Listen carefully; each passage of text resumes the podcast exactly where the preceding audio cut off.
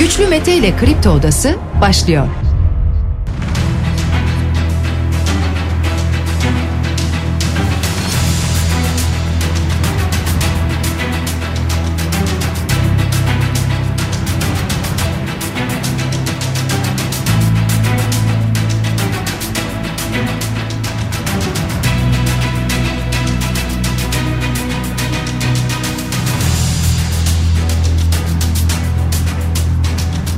9 Ocak pazartesi sabahından Kafa Radyo'dan Kripto Odası'ndan tüm Türkiye'ye yurt dışında bizi dinleyen dinleyicilerimize günaydın. Hepinize sağlıklı ve güzel bir gün dileyerek her sabah olduğu gibi programımıza başlıyoruz.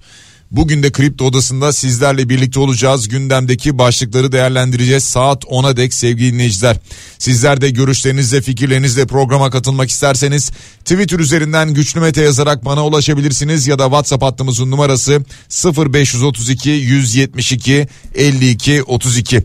Hemen gündemdeki başlıklarla başlıyoruz. Cumhurbaşkanı Erdoğan'ın yapmış olduğu açıklamalar var ki seçimin birazcık daha öne alınabileceğini ifade etti.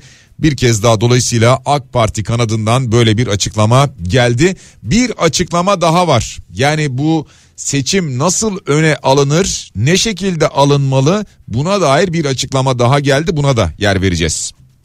Kemal Kılıçdaroğlu alkollü içeceklere yapılan zamlar zulümdür dedi buna ilişkin de göreve geldiklerinde bir düzenleme yapacaklarını söyledi aynı zamanda. Bu arada altılı masadan gelen haberler var, açıklamalar var. Bunlara da yer vereceğiz. Ahmet Davutoğlu'nun bir açıklaması vardı. Bunlar üzerine gelen eleştiriler oldu. Bunlara da bakacağız bugün program içerisinde. Meral Akşener kendisine Başbakan Meral diye seslenenlere elbette başbakan olacağım dedi. Birinci parti çıkacağız diyor seçimden ve ben de başbakan olacağım diyor Meral Akşener. HDP kanadından bir açıklama var Pervin Buldan'dan. HDP kendi ittifaklarıyla adayını çıkaracak diyor. HDP'den başka açıklamalar da var. Bunlara da bakacağız. Şimdi seçim süreci tam anlamıyla hızlandı. Tarih şu anda belli olmasa da çok yaklaştı. O nedenle siyasi partilerden seçimle ilgili çok mesaj var. İsveç'ten gelen bir açıklama oldu. Biliyorsunuz İsveç ve Finlandiya NATO üyeliği için Türkiye'den de onay beklerken Türkiye'de İsveç ve Finlandiya'ya terörle arasına mesafe koymasını isteyen mesajlar veriyordu. İsveç'ten gelen mesaj şu Türkiye'nin her talebini yapamayız dedi İsveç Başbakanı böyle bir açıklama yaptı. Sevgili dinleyiciler Rusya'dan bir haber geldi biliyorsunuz Ukrayna Rusya'yı vurmuş ve Rus askerlerinin ölümüne sebep olmuştu. Rusya dedi ki biz misilleme yaptık karşılığını verdik. 600'den fazla Ukrayna askeri öldürüldü bizim verdiğimiz karşılıkta dedi. Ukrayna bunu yalanladı. İstanbul'dan gelen maalesef bir taksici cinayeti haberi var sevgili dinleyiciler. İnanılır gibi değil ama maalesef gerçek. EYT emeklilikte yaşa takılanların düzenlemesi ne zaman meclise sunulacak? Buna dair de bir açıklama var ki biraz daha süre alacak gibi görünüyor bu. Türkiye Suriye ilişkisine dair Arap medyasından gelen iddialar var. Bundan sonra Dışişleri Bakanı Mevlüt Çavuşoğlu'nun Amerika'yı ziyaret edeceği hatta 16-17 Ocak tarihlerinde gideceği bu konulara gelişmelere ilişkin bilgi vereceği yönünde bir iddia ortaya atıldı. Dışişleri Bakanlığı bunu doğrular veya yalanlar bilmiyoruz takip ederiz. Sinan Ateş suikastine 16 kişinin karıştığı belirtildi. 13'ü tutuklandı sevgili dinleyiciler. İnanılmaz bir ilişki ağı var. Bu 16 kişiyle alakalı. Bu arada Sinan Ateş'i öldürdüğü iddia edilen Eray Özyağcı şu anda firari henüz o yakalanmadı yakalanamadı. Devam ediyoruz gündemdeki diğer başlıklarla. Markette etek altı videosu çeken sapık bir komiser çıktı sevgili dinleyiciler. Serdar E tutuklandı. Hafta sonu en çok paylaşılan görüntülerden haberlerden bir tanesiydi. Hekimler Sağlık Bakanı Fahrettin Koca'ya tepkililer altı talepli çağrıları var. Değişikliklerin acilen geri çekilmesini istiyorlar. Yönetmelikteki değişiklikleri kastediyorlar. Biraz sonra bakarız. 0850'li numara kabusunun sona ereceğine dair bir iddia var, bir bilgi var. İnternet ve TV aboneliğine yeni bir düzenleme gelecek. BTK tarafından bu düzenleme yapılacak deniyor ki nedir o bakacağız. 2023 haç kontenjanları belli oldu. Aynı zamanda bu da bir diğer başlığımız.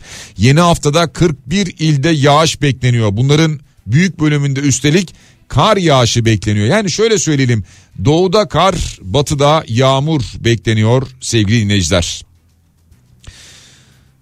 Spor Toto Süper Lig'e baktığımızda haftanın en önemli maçıydı. Dün nefesler tutuldu ve bu karşılaşma beklendi.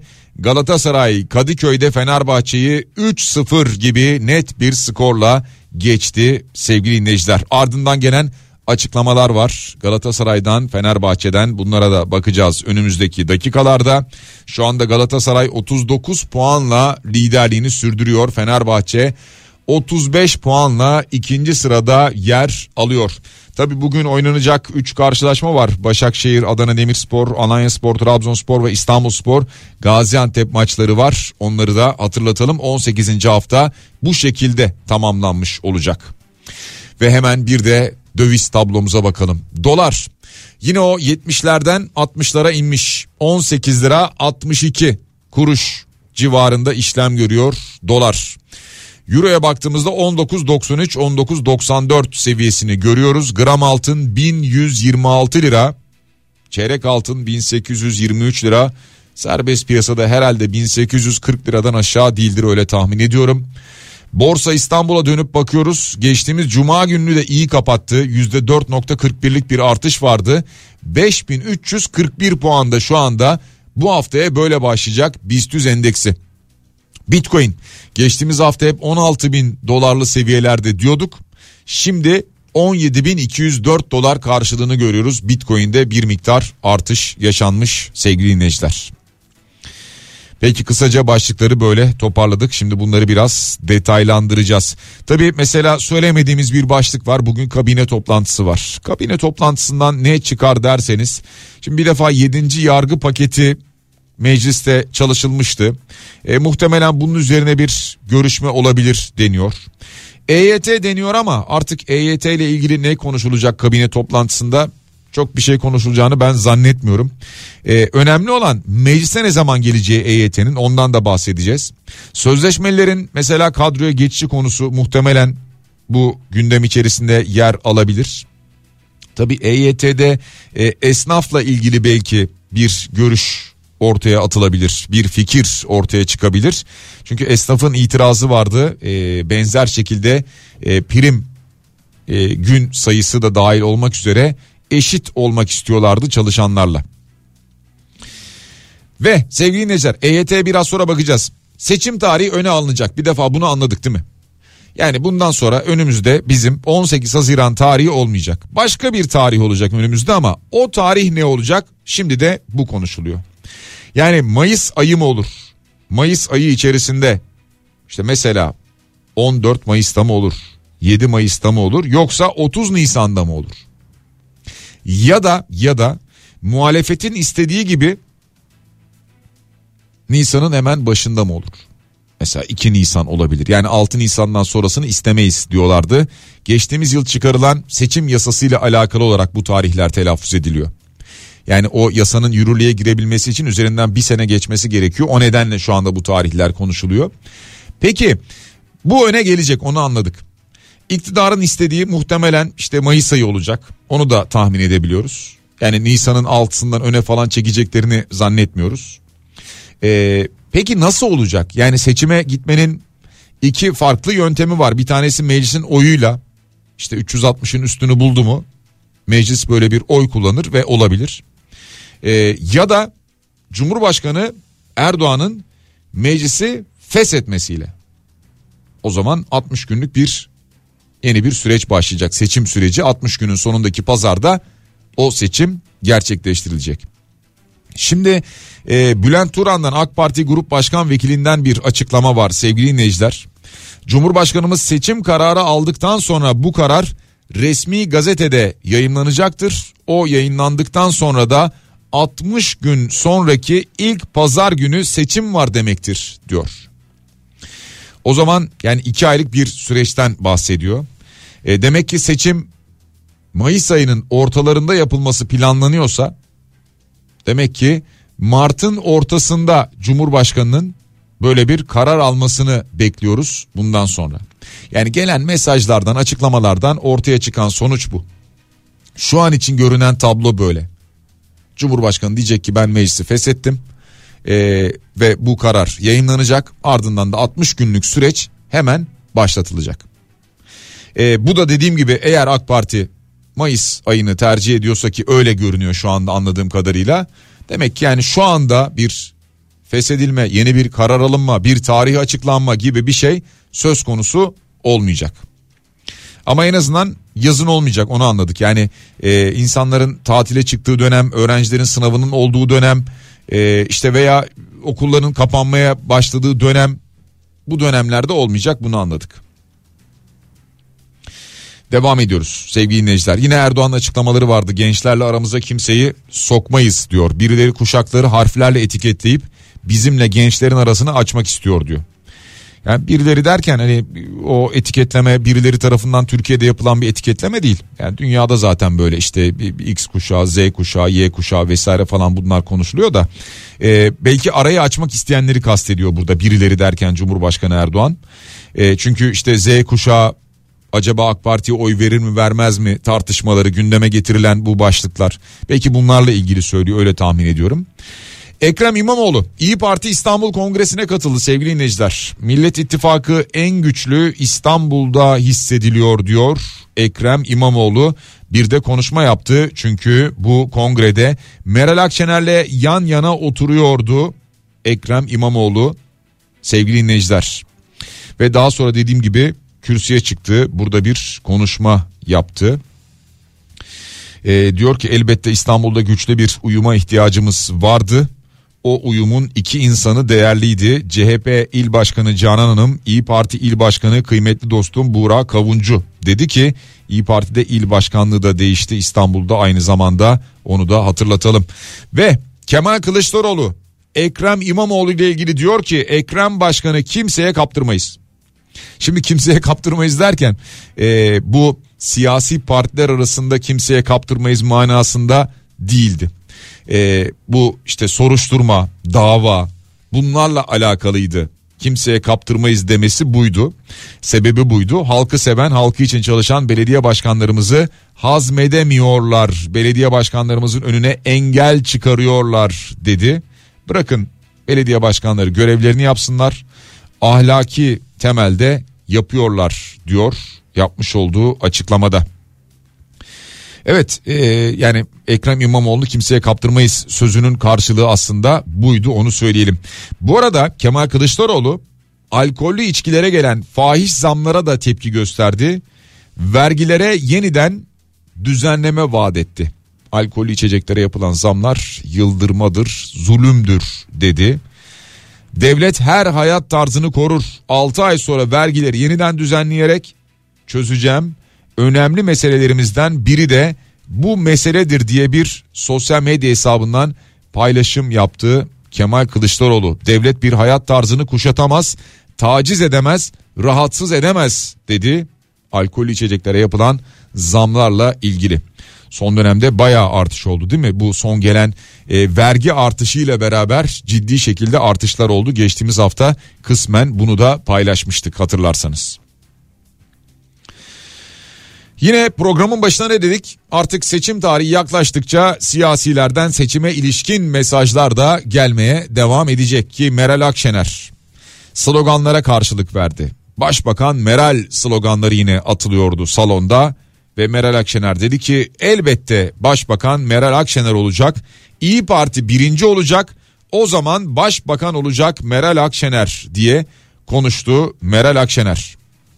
Şimdi tabii merak edilen konulardan bir tanesi daha doğrusu en önemlisi muhalefetin adayının kim olacağı. En çok merak edilen konu herhalde bu. Ee, şimdi buna ilişkin de Altılı Masa'nın toplantısının ardından Ahmet Davutoğlu'nun yapmış olduğu bir açıklama vardı ki bu açıklama çok tartışıldı.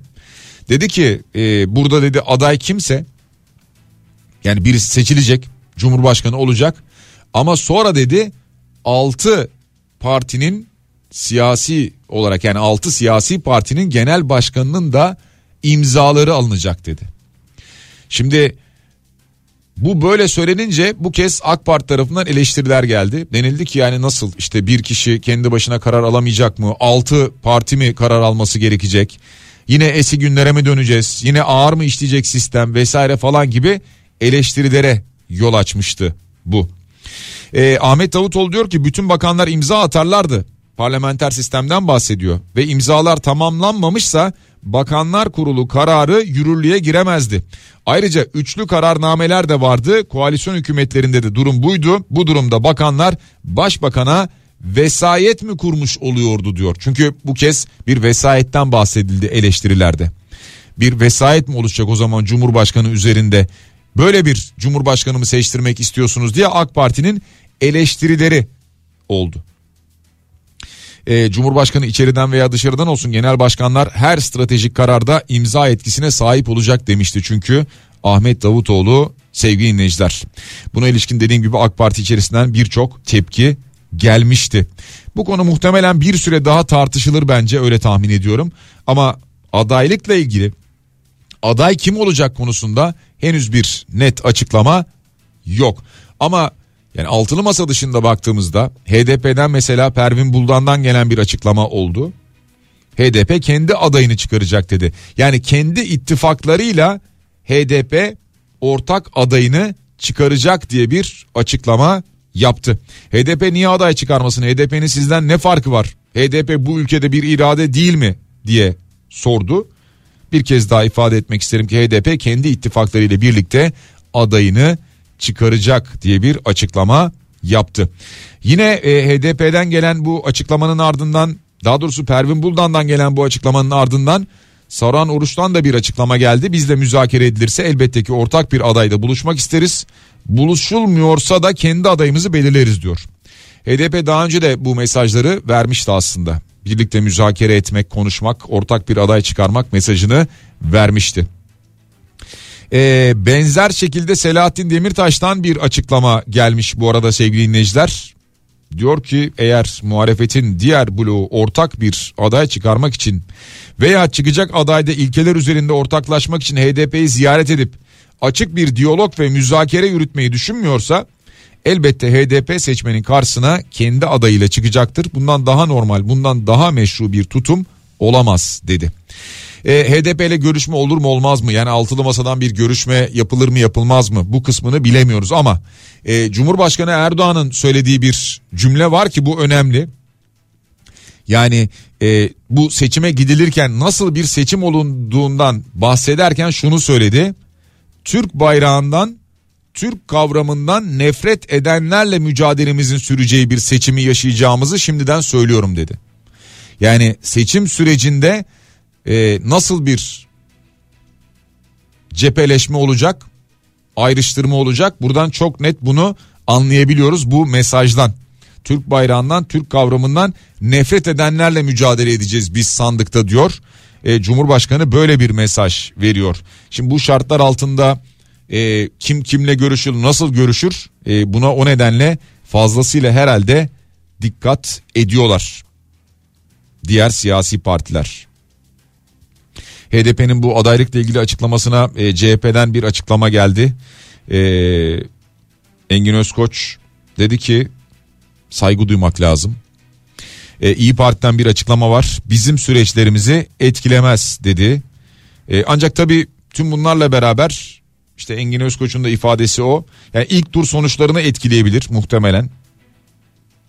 Yani belki de öyle bir şey olabilir. Yani HDP'nin ayrı bir aday çıkarması ilk tur sonuçlarını etkilemez mi? Etkileyebilir. E, tüm bunları önümüzdeki günlerde yine konuşuyor olacağız ki e, malum bundan sonraki gündemimiz artık seçim olmaya başlıyor sevgili dinleyiciler. Esas bir de Cumhurbaşkanı Erdoğan meclisi feshettikten sonraki 60 gün içerisinde daha çok konuşacağız seçim konusunu. EYT emeklilikte yaşa takılanlar Ne oldu? Ee, bir açıklama geldi. Açıklama geldikten sonra herkes hepimiz oturduk değil mi? E-Devlet'e falan hesap kitap yaptık. Ee, sigortaya girdik baktık. İşte e, şu an emekli olursak emekliye ayrılırsak ne kadar e, ücret alacağız acaba? Maaşımız ne olacak diye baktık. E, bir takım hayal kırıklıkları falan da yaşadık ama neticede aa evet emekli olabiliyoruz dedik. Peki iyi de e, bu hani raftan kalkacaktı. Daha doğrusu rafa kalkacaktı ve bir daha bunu konuşmayacaktık.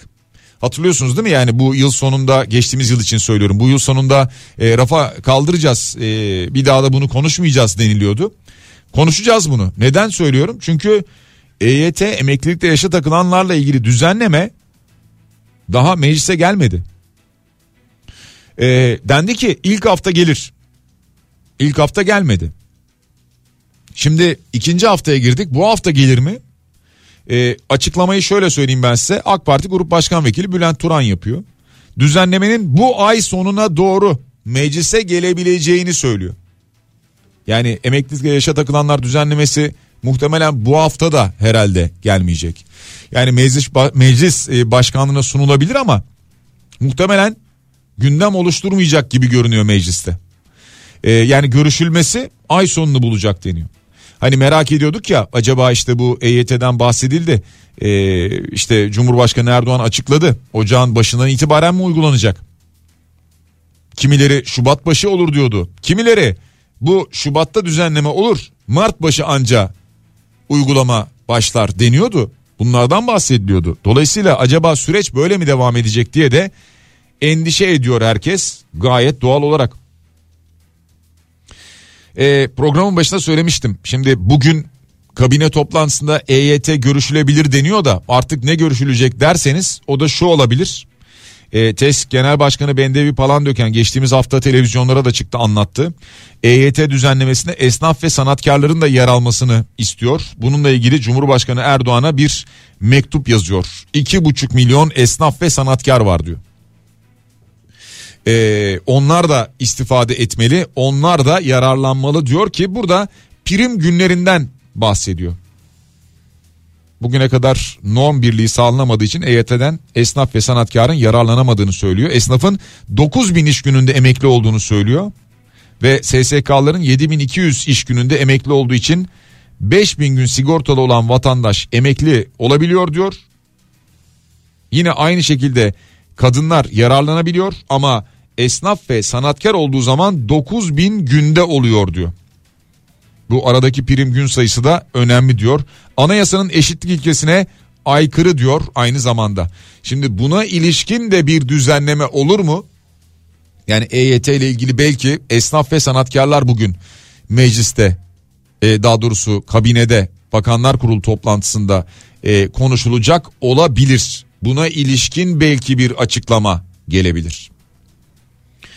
Peki memur ve emekli zamları. Memur ve emekli zamlarının aslında bu hafta yasalaşması bekleniyor sevgili dinleyiciler. Yani muhtemelen meclise gelecek e, daha sonra Cumhurbaşkanı Erdoğan önüne gidecek ve memur ve emekli zamları bu hafta yasalaşmış olacak gibi görünüyor.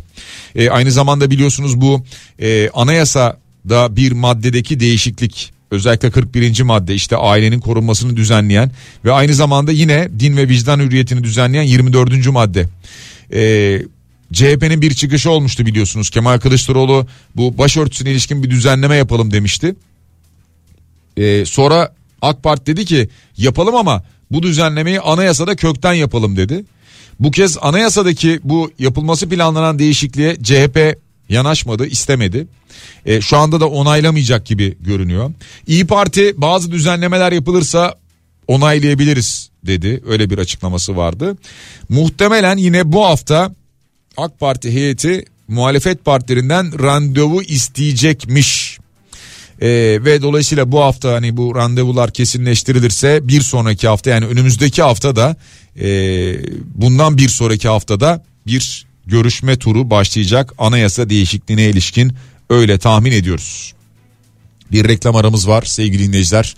Reklamlardan sonra yeniden buradayız. Kripto Odası devam ediyor sevgili dinleyiciler. Reklamların ardından yine sizlerle beraberiz. Ee, gelen mesajlarınıza bakıyorum. Arada e, dinleyicilerimizden gelen mesajlar var. Bunu gündeme getiriyoruz ama e, yani siz söylüyorsunuz diye gündeme getiriyoruz. E, stajyerler özellikle EYT ile ilgili beklenti içerisindeler. Daha doğrusu stajlarının sayılmasını istiyorlar ama e, buna ilişkin bakan çok net bir açıklama yapmıştı. Yani stajyerlik durumunun aslında eğitimle alakalı olduğunu, onun eğitim kategorisinde değerlendirilebileceğini, bir çalışma hayatı olmadığını ifade etmişti. Dolayısıyla buradan e, farklı bir adım geleceğini ben açıkçası zannetmiyorum ama yine de dinleyicilerimiz bu mesajları gönderiyorlar. Biz de ara ara programda bahsediyoruz. E, 3600 ek gösterge kamuda bazı programcılara verildi. Bazılarına verilmedi.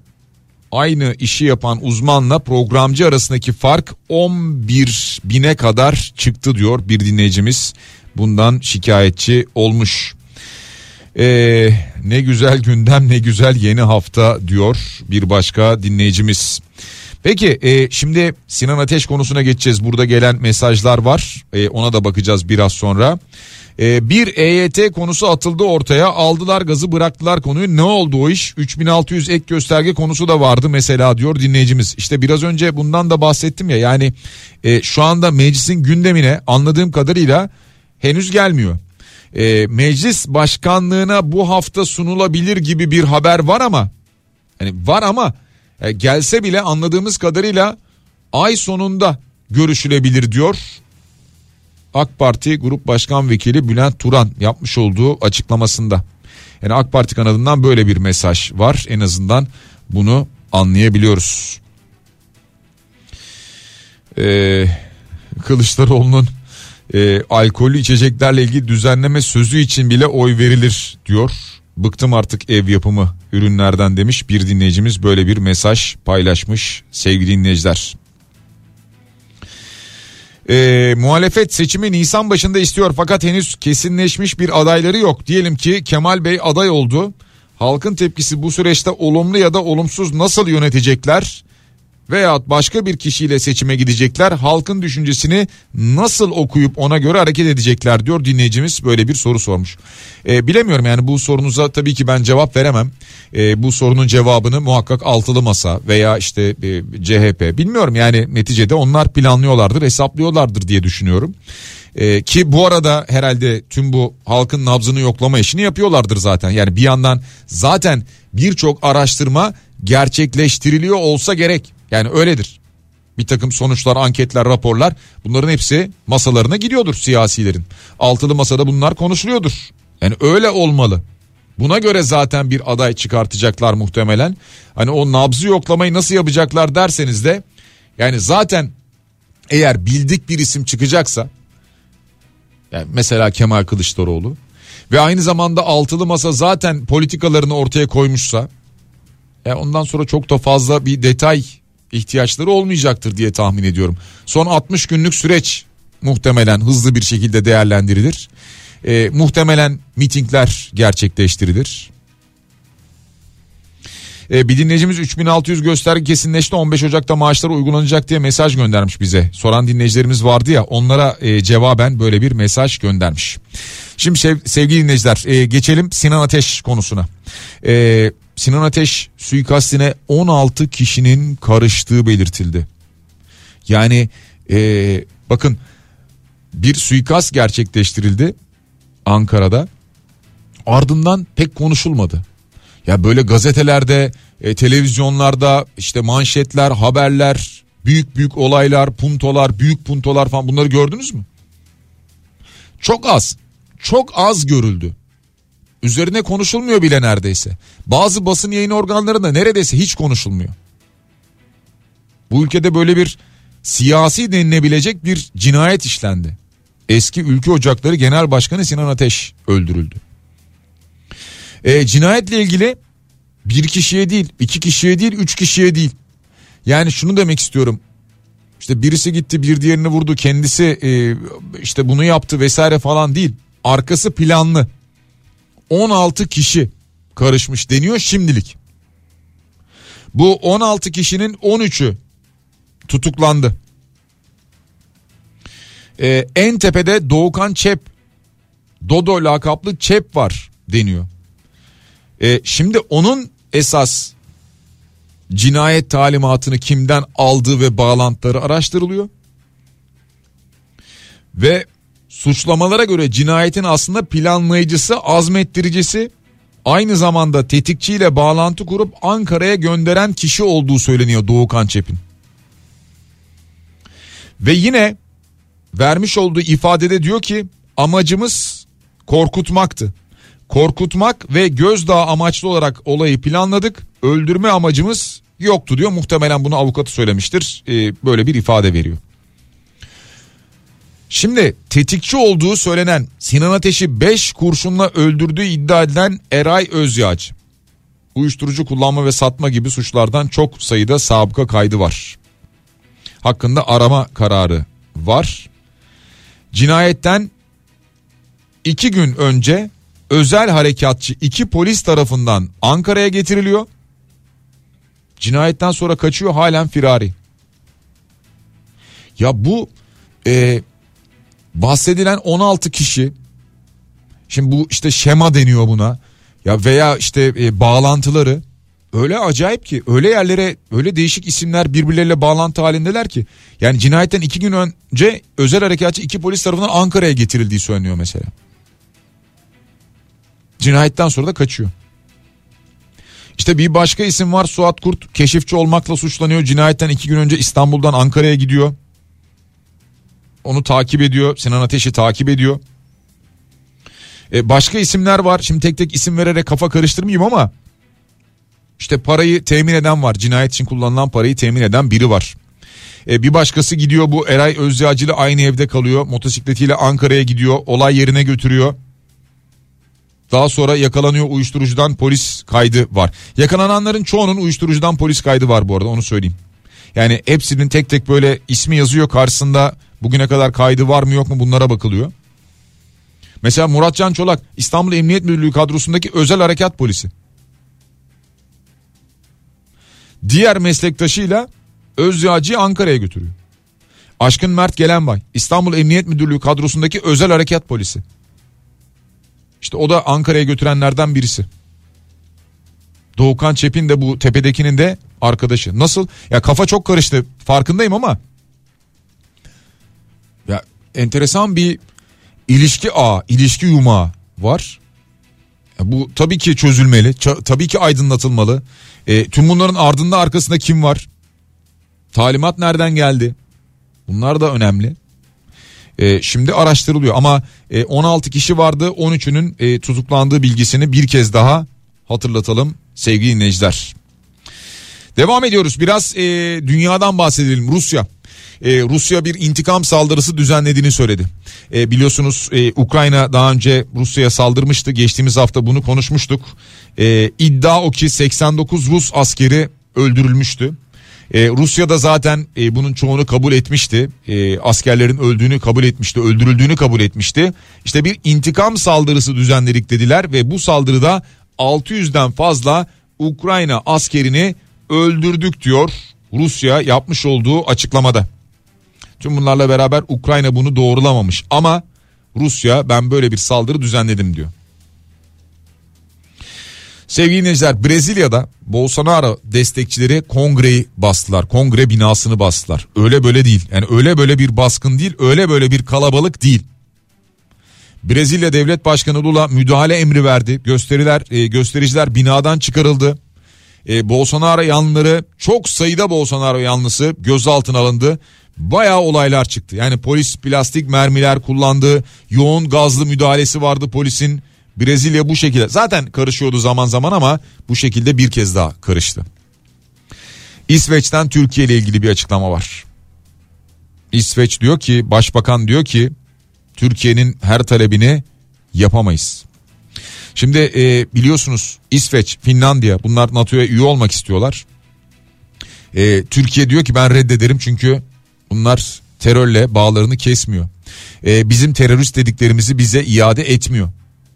Bunun üzerine biliyorsunuz işte zirve toplantıları yapıldı. Madrid'de üçlü zirve yapıldı vesaire falan imzalar atıldı mutabakat metnine. Fakat Türkiye hep dedi ki bunu biz pratikte görmek istiyoruz. Yani teoride tamam imza atıldı Ama bakalım pratikte yani sahada ne yapacaksınız? Bir takım isimleri Türkiye istiyor fakat İsveç diyor ki hayır şimdi o sizin söylediğiniz isimler bizce terörist değil. Biz size şunu gönderelim. Türkiye diyor ki hayır ben onu istemiyorum. Ben bunu istiyorum. Şimdi bu tartışma şu anda sürerken İsveç Başbakanından Türkiye'nin her talebini yapamayız açıklaması geldi. Ya evet anlaşmamız var birçok şey yaparız destek veririz ama her istediklerinde yapamayız diyor böyle bir açıklama yapıyor İsveç Başbakanı. Bakalım Türkiye'nin nasıl bir tepkisi olacak. Ee, yani yurt dışı dış haberler derken Türkiye ile bağlantılı haberlere de geçtik. Şimdi Arap medyasından e, Türkiye Suriye ilişkisine dair iddialar var. O da şöyle e, Dışişleri Bakanı Mevlüt Çavuşoğlu'nun Amerika ile gidip bir görüşme yapacağı, Amerika'ya gideceği, burada ABD'ye bir bilgi vereceği iddia ediliyor 16-17 Ocak tarihlerinde. E, bilemiyorum dediğim gibi Dışişleri Bakanlığı bunu doğrular veya yalanlar bunu görürüz. E, ama bu süreç içerisinde e, bundan sonra Cumhurbaşkanı Erdoğan'la Esad bir araya gelebilir mi? Yine Arap medyasında çıkan haberlere bakacak olursak evet böyle bir zirve gerçekleşebilir. E, Putin buna ev sahipliği yapar ki zaten öyle olacaktır muhtemelen. Yani Rusya'da olacaktır böyle bir görüşme. E, Putin davet edecektir. E, buradan Cumhurbaşkanı Erdoğan oradan da Suriye'den de Esad e, muhtemelen gidecektir. Ki böyle bir görüşme olabilir mi? Olabilir. Yani çünkü şu ana kadar e, istihbarat birimleri karşılıklı teşkilatlar bir araya geldiler. E, işte en son Moskova'ya e, Hakan Fidan gitti. En son Hulusi Akar gitti. E, Dışişleri Bakanı Mevlüt Çavuşoğlu'nun açıklamaları vardı. E, karşılıklı görüşmeler bir yandan yapılıyor. Yani şu an görüşmeyen bir tek liderler kaldı zaten. Ha bu zemin hazırlanırsa o zaman liderler de bir araya gelecek. Yıllarca yıllardır Esed dediğimiz Esat yeniden Esat olacak bizim için herhalde öyle görünüyor. Ha Türkiye burada ne kazandı bu arada? Bu süreçte ne kazandı? Hani Esad 3 vakte kadar gider dendi. Oradaki terör örgütleri temizlenir dendi. Yani Türkiye halen daha bu bölgedeki terör örgütlerini temizlemeye çalışıyor çünkü. Esad 3 vakte kadar gitmedi. Sevgili dinleyiciler İstanbul'dan maalesef bir taksici cinayeti haberi geldi. Bir taksici öldürüldü.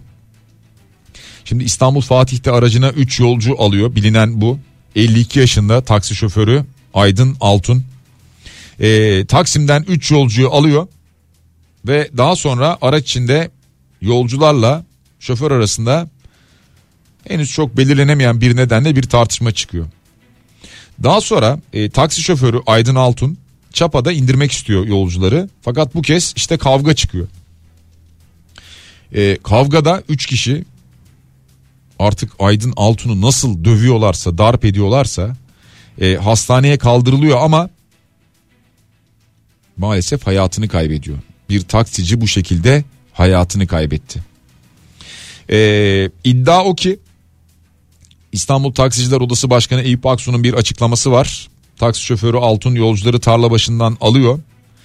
E, Çapa'ya geldiği sırada alkollü olduğu öne sürülen yolcuların küfürlü konuşmaları üzerine şoför tarafından uyarılıyor. Uyarı yapılıyor. Uyarı üzerine bu üç kişi şoför Aydın Altun'u darp etmeye başlıyor. Araç durduğunda inip tekrar darp edip kaçıyorlar. Olay yerine gelen polis Altun'u hastaneye götürüyor. Hastanede de vefat ediyor diyor.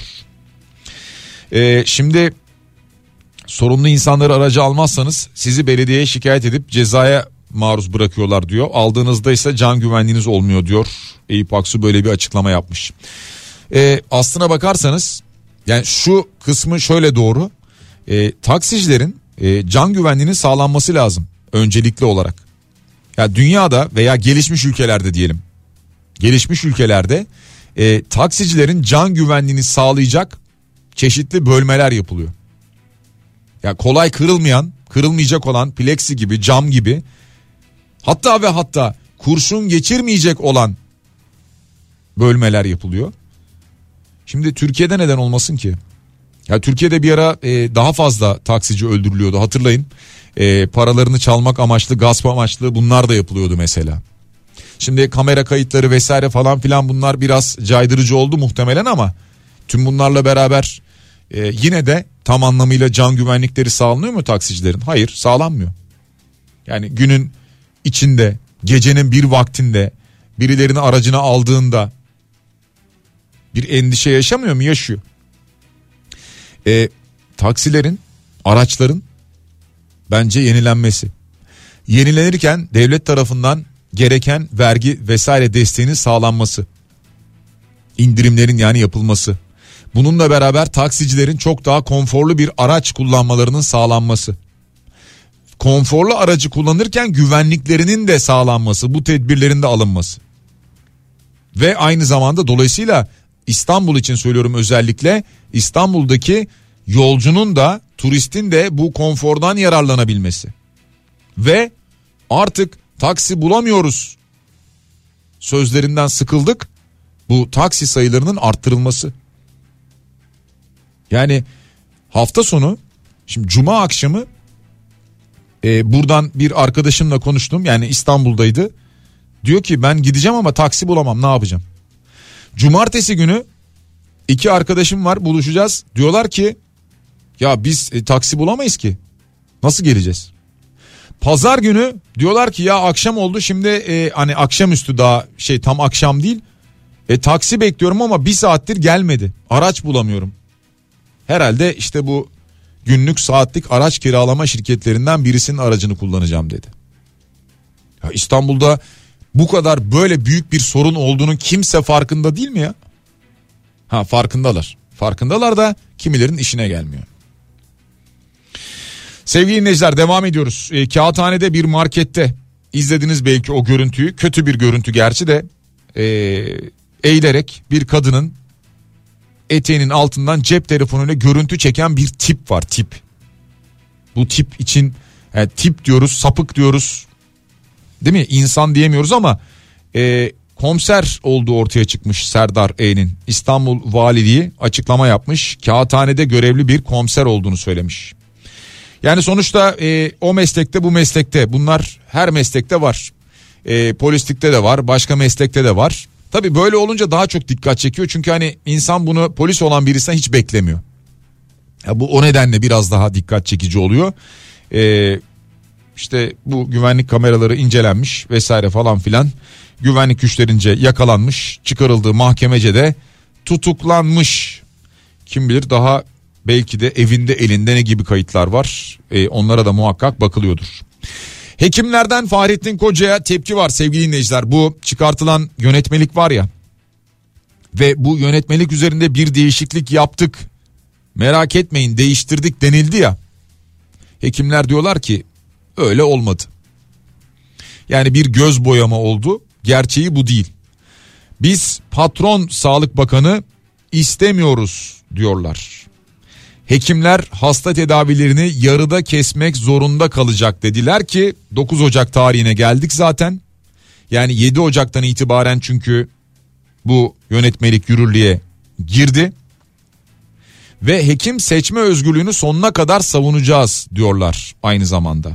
Hastaların hekimini ve sağlık kuruluşunu seçme ve burada tedavi olabilme haklarını kısıtlayan, serbest hekimlerin özel hastanelerde ameliyat ve girişim yapmalarını engelleyen, hekimlerin mesleki bağımsızlığını ve serbest meslek hakkını ellerinden alan, hiçbir kamu yararı içermediği gibi anayasaya, kanunlara ve hukukun temel ilkelerine de aykırı olan 6 Ekim ve 7 Ocak yönetmelik değişiklikleri acilen geri çekilmelidir diyor hekimler. Ee, bu şimdi en çok şöyle gündeme gelecektir öyle tahmin ediyorum. Bugüne kadar diyelim ki bir hamile kadın özel muayenehaneye gidiyor, doktoruna gidiyor e, ve onunla beraber 5-6 aydır e, kontroller gerçekleştiriyor. Şimdi bu tarihten sonra o doktoru normalde ameliyat edebilecekken bir özel hastanede bir hastanede şimdi edemeyecek ve burada kadın mağdur olacak. Hamile kişi mağdur olacak. Ve muhtemelen bu mağduriyetler daha çok ses çıkmasına daha çok bunun ne manaya geldiği adına anlaşılabilir olmasına fayda edecek ama umarız bu arada kimse mağdur olmaz ama elbet olacak. Görünen o. Devam ediyoruz. 0850 numara kabusu sona eriyor diye bir haber var da bu internet ve TV aboneliğine yeni bir düzenleme gelecekmiş. Bu 0850 numaralardan sürekli arıyorlar ya işte internet için sabit telefon hattı için TV abonelikleri için aranıyorsunuz ya aranıyoruz ya veya hepimiz aranıyoruz çünkü. Ee, bunlar doğrudan o kurumlar değil de yani o kurumların doğrudan çalışanı olmayan komisyonlu çalışanlar var ya onlarla ilgili. Çünkü birçok mağduriyet yaratılıyor. Siz zannediyorsunuz ki o kurumla görüşüyorsunuz. Oysa size arayan bir aracı kurum var. O komisyon alıyor bunun üzerinden. Yani size işte diyor ki mesela internet paketiniz verelim, şunu verelim, telefon bilmem nesi verelim. Siz farkında bile değilsiniz yani belki size yeni bir paket bile veriyorlar. Ha yani dolandırılmıyorsunuz aslında ama ya çünkü bir gerçekten bir firma adını arıyorlar ve e, bu aboneliği başlatıyorlar. Fakat istemediğiniz bir şeye abone oluyorsunuz belki de. İşte bunlarla ilgili e, bundan sonra yeni bir düzenleme yapacakmış BTK ve teyit araması gerçekleştirilecekmiş önce kurumlar tarafından. E, ve bunun da dışında eğer bunlara uyulmazsa e, idari yaptırımlar yönetmeliği hükümleri kapsamında idari para cezası da uygulanacakmış sevgili dinleyiciler. 2023 hac kontenjanları belli oldu. Salgın öncesi duruma dönülmüş. 65 yaş üstü dahil 83.430 hacı adayı gidecekmiş. Hacca gidebilecekmiş. Böyle bir açıklama geldi. Salgın öncesindeki sayıya dönülmüş sevgili dinleyiciler. Ee, ne hafta sonunun en çok konuşulan konusu dünün en çok konuşulan konusu Fenerbahçe Galatasaray derbisiydi. Şimdi net bir skorla Galatasaray iyi bir oyunla 3-0 mağlup etti Kadıköy'de Fenerbahçe'yi. E, ardından Galatasaray Başkanı Dursun Özbek bir açıklama yaptı. 5 tane attık 3'ünü saydılar. 6-7 olabilecek bir maçtı ama olmadı. Taraftarımız 7 gole alıştı dedi. Fenerbahçe Başkanı Ali Koç'tan bir açıklama geldi. Bu skora alışık değiliz burada. Galatasaray'a en ağır mağlubiyetleri tattırdığımız sezonlarda biz şampiyon olamıyorduk. Taraftarlarımızdan özür dilerken umutlarını kaybetmemeleri gerektiğini de hatırlatmak istiyorum diyor. Ee, Okan Buruk'tan gelen açıklama burada 3-0'la kazanmak gerçekten çok değerli. Bizim için güzel, önemli, futbol açısından değerli bir geceydi diyor. Ve Jesus diyor ki almış olduğumuz mağlubiyetin bahanesi yok. Kimseyi suçlamak istemiyorum. Dış faktörler yok. Bugünkü mağlubiyetin sebebi benim diye konuştu. Jesus yapmış olduğu açıklamada sevgili dinleyiciler. Artık programın sonuna geliyoruz. Mümkün olduğunca tüm başlıkları değerlendirmeye gayret ettik sevgili dinleyiciler. Cenker Bayrağı Teknik Basar'a teşekkür ediyoruz. Biraz sonra Bediye Ceylan Güzelce Güzel Şeyler programında sizlerle birlikte olacak. Yarın sabah aynı saat diliminde yeniden buluşana dek hepinize sağlıklı ve güzel bir gün diliyorum. Şimdilik hoşçakalın.